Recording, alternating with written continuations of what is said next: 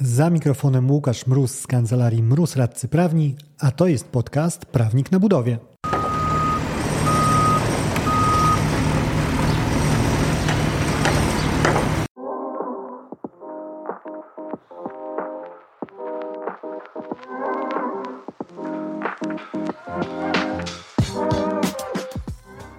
Czy brak waloryzacji kontraktów doprowadzi w obecnej sytuacji rynkowej do ich porzucania przez wykonawców?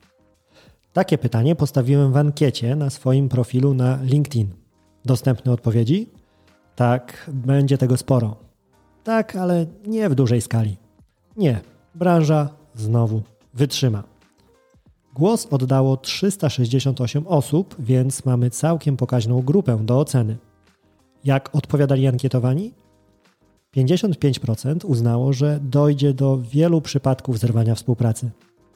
33% widzi takie ryzyko, ale nie w znacznej skali. 12% stoi na stanowisku, że porzucania kontraktów nie będzie, a branża poradzi sobie z obecną zawieruchą w realizacji robót. Część z osób, które zagłosowały w ankiecie, podzieliła się ze mną szerzej swoją opinią na temat ryzyka porzucania kontraktów. Jedną z nich usłyszysz w tym odcinku. Z tej strony mikrofonu Łukasz Mróz, a to jest podcast Prawnik na Budowie.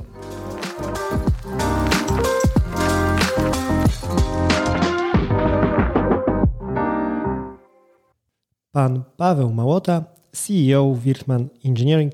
Dzień dobry Panie Pawle, dziękuję za przyjęcie zaproszenia do rozmowy. Witam, dzień dobry. Gdyby mógł Pan na starcie powiedzieć e, słowami dwoma, trzema, czym zajmuje się kierowana przez Pana spółka, jaka to jest sfera budownictwa?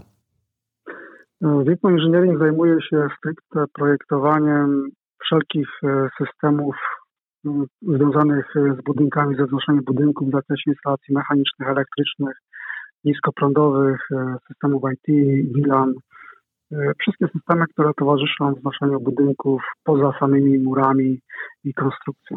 Mhm, jasne. I rozmawiamy, ponieważ wziął Pan udział w ankiecie, którą organizowałem na LinkedIn dotyczącej tego, na ile jest realna perspektywa takiego masowego zrywania kontraktów przez wykonawców z uwagi na obecne uwarunkowania rynkowe.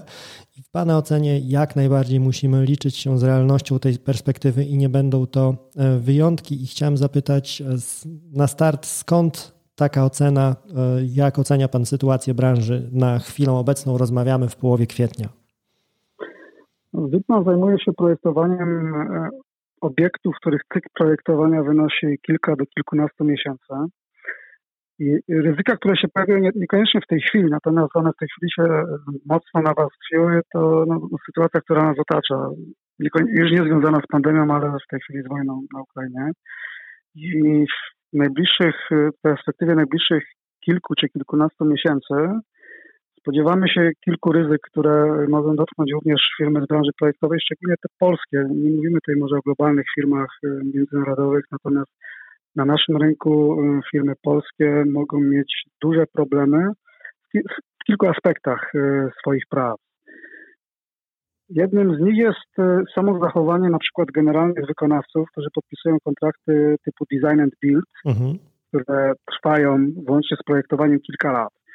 I tutaj widzimy, że zaangażowanie w duże projekty tego typu, na przykład z partnerami takimi jak generalni wykonawcy, dla nie, nie, niedużych biur projektowych niosą mm, zagrożenie takie, że to generalny wykonawca może próbować zerwać kontrakt z zamawiającym i tym samym pociągnąć e, swoich partnerów, firmy projektowe, przerywając e, projektowanie, nie zawsze z nimi się rozliczając. E, ryzykiem tutaj dla mniejszych firm projektowych jest oczywiście siła chociażby kancelarii prawnych.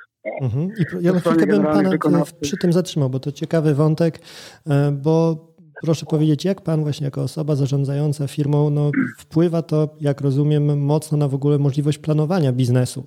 E, I jak w tych realiach odnajdują się projektanci, kiedy stoją przed perspektywą, że nagle mogą się dowiedzieć, że pewien cykl pracy, który za, zakładali i na który założyli kilkanaście miesięcy, nawet tak jak pan mówi, e, zaangażowania, wysypał im się, mówiąc kolokwialnie, i nagle nie mają kontraktu, który miał wpływać do ich budżetu. To jest e, problem, który na pewno e, dotyka planowania strategiczne w perspektywie roku czy dwóch. Natomiast no, takie przypadki mogą się zdarzyć. Bierzemy pod uwagę, że długotrwały kontrakt może zakończyć się po pewnym czasie fiaskiem, niekoniecznie ze strony mm, generalnego wykonawcy, może również inwestora. Natomiast jakby ratunkiem dla mniejszych firm, mniejszych podmiotów projektowych czy wykonawczych pewnie również jest planowanie przepływów pieniężnych dużo częstszych niż wynikałoby to z jakichś bardzo grubych kamieni milowych e, oferowanych przez generalnych wykonawców. Mhm.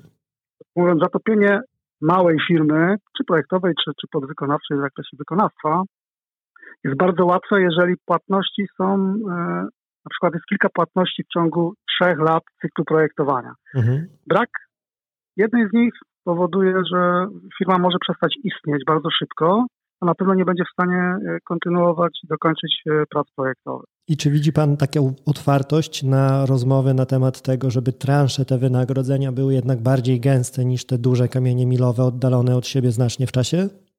Zaczyna się to zmieniać. E, ci najwięksi generalni wykonawcy są, ich działy prawne szczególnie, tak, i kontrolingu kontraktowego są jeszcze, nie chcę użyć może słowa zabetonowane, ale te rozmowy są dosyć trudne. Mniejsze firmy, czy na przykład firmy stricte architektoniczne zaczynają to rozumieć i ich kontrakty zawierają dużo gęstsze e, możliwości finansowania e, i przepływów finansowych w czasie projektowania. Z generalnymi wykonawcami póki co jeszcze jest to trudne, a z podmiotami państwowymi już po stronie klientów końcowych na tą chwilę praktycznie niemożliwe. Jest to bez mała jakby, mhm. rzecz, która nie istnieje. Im mniejszy, mniejsza skala, tym większa elastyczność, jeżeli dobrze słyszę. Zdecydowanie tak to wygląda. Aha. I chciałem zapytać o jedną kwestię jeszcze, bo e, mówi się wiele o wzroście kosztów i nie wiem, czy zdarzyło się Państwu odbić od takiej ściany, ale znajomi czy klienci, z którymi współpracujemy z branży zajmujący się właśnie projektowaniem, e, często mówią, że mają w ogóle duży problem z jakąkolwiek rozmową o pieniądzach, o wzroście kosztów, no bo słyszą, no ale słuchajcie, przecież wy jesteście projektantami, macie pracę umysłową, to co wam ołówki podrożały, nie, nie, nie jesteście na placu budowy, nie to, że wrzucacie ciężkie materiały, które teraz szybują w górę. E, czy miał pan takie doświadczenia, rozmów na temat wzrostu kosztów i może w ogóle zacznijmy od tego, jak wygląda wzrost kosztów e, po stronie projektantów? Czy oni też są dotknięci tą sytuacją? Oczywiście. Y, są dwa aspekty. Oczywiście nie mamy do czynienia z materiałami, jak pan powiedział, to, to, to nie nasza bajka. Natomiast 90% y, czy 80% kosztów biura projektowego to inżynieria. Y, presja płacowa rozpoczęła się już jakiś czas temu po stronie pracowników, po stronie projektantów. Kwestia inflacyjna daje nam w kość, szczególnie w czasie długich kontraktów gdzie rewaloryzacja e, wzrostu inflacyjnego praktycznie nie istnieje. Ale to jest jeden aspekt. E, zdajemy sobie sprawę, że koszty inflacyjne będą powodować presję płacową. Natomiast e, obecnie i będzie to trwało również przez najbliższe kilkanaście miesięcy, dużym problemem dla biur projektowych małej, średniej wielkości będzie koszt programowania. Mhm. I tu przy długich projektach rok, dwa lata, kiedy biura projektowe muszą zostać wyposażone w rozsądne licencje, czy to podstawowy AutoCAD, czy projektowanie 3D, na przykład Revit, tutaj koszty wzrostu cen oprogramowania, które są powiązane z kursem euro i dolara, mhm. w dłuższej perspektywie mogą spowodować, że średnich firm po prostu nie będzie stać na dociągnięcie projektowania do końca. Mhm, jasne, i to jest wątek, który chyba jest taki ślepy mhm. Bo wydaje mi się, że nie, nie zawsze jest świadomość właśnie tego, tego konkretnego kosztu. E, Im więcej tych narzędzi informatycznych, tym pula tych comiesięcznych, czy jakimkolwiek innym cyklu opłat licencyjnych e, będzie wyższa. Także cieszę się, że, że Pan o tym mówi, no bo nie wydaje mi się to wiedzą powszechną. Jakby ja przyznam, że też e, na co dzień... Próbujemy mhm. spotkać się ze światem, jeżeli chodzi o, o cyfryzację projektowania.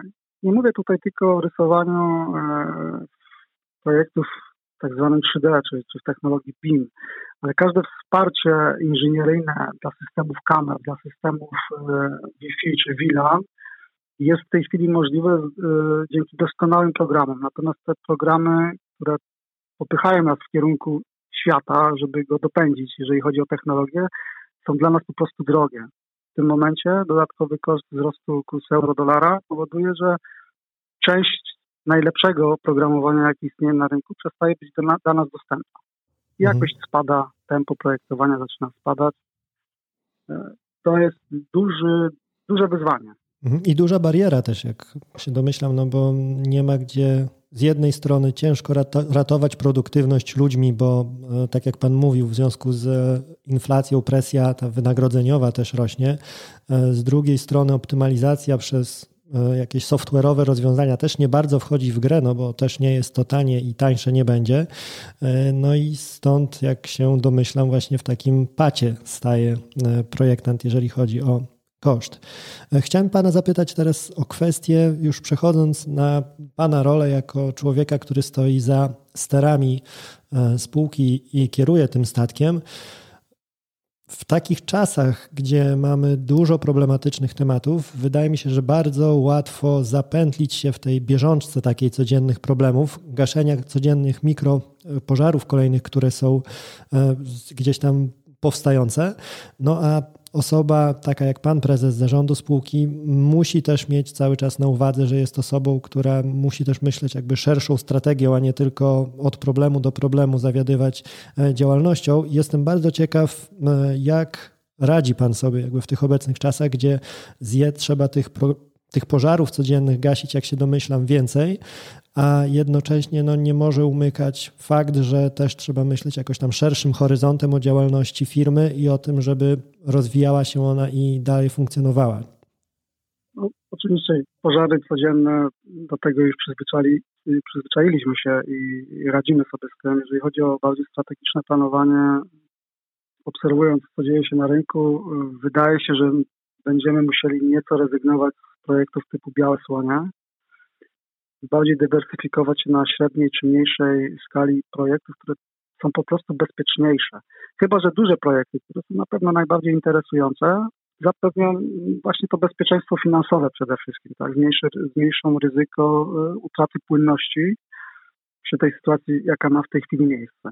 Ale generalnie dywersyfikacja mniej tych największych projektów, natomiast e, troszkę więcej projektów średniej wielkości, które w wypadku zatrzymania któregoś z nich powodują, że pozostałe jakieś spokojnie nas e, no, dociągną do mety. Mhm. A jak ocenia Pan dostępność w ogóle tych mniejszego kalibru, tych bezpieczniejszych, pozwalających na dywersyfikować portfolio firmy e, projektów? One są na rynku, czy te inwestycje wyhamowały? No i siłą rzeczy też Państwo jako projektanci nie macie czego zaprojektować?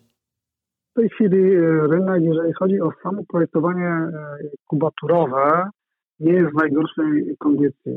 Ok, jest mniej e, biurowców, prawie ich nie ma w tej chwili, czy powierzchni typu fit-out. Jest nieco mniej hoteli, e, natomiast wciąż e, budownictwo kubaturowe rozwija się całkiem nieźle. W tej chwili sektor zbrojeniowy, militarny stał się dawcą projektowania. Jest to dość specyficzna branża, w której również działamy. Jest, jest trochę podmiotów zagranicznych, które w Polsce inwestują i wymagają bardzo wysokiej jakości projektów. To jest w tej chwili jakaś nisza, która powoduje, że, że mamy portfel zamówień wypełniony. Wydaje się, że nie jest to jeszcze bardzo zły czas dla projektantów, natomiast no, wzrastające koszty i brak możliwości rewaloryzacji może zmienić tę sytuację za kilka miesięcy bardzo znacząco. Mhm. Jasne, to tak kończąc, pozostaje nam chyba wyrazić myśl, żeby projektanci tak jak Pan mówi, no, szukali takich źródeł dywersyfikacji i w tym jakiegoś tam e, bezpieczniejszego e, portu, ponieważ jak trafnie Pan zauważył, no, na jednym dużym projekcie zdecydowanie jest łatwiej się wysypać, jeżeli oprzemy o niego całą strategię i całe najbliższe miesiące funkcjonowania firmy. Dziękuję pięknie za, e, za tą rozmowę i pozostaje mi życzyć powodzenia i udanego prowadzenia firmy w tych niestabilnych czasach. Dziękuję i pozdrawiam. Dzięki za odsłuchanie tego odcinka. Jeżeli chcesz się ze mną skontaktować, możesz napisać na biuro małpa albo zadzwonić na 577 665 077. Znajdziesz mnie też w mediach społecznościowych. Na LinkedIn jako Łukasz Mróz, a na TikToku, Facebooku i Instagramie jako Prawnik na Budowie.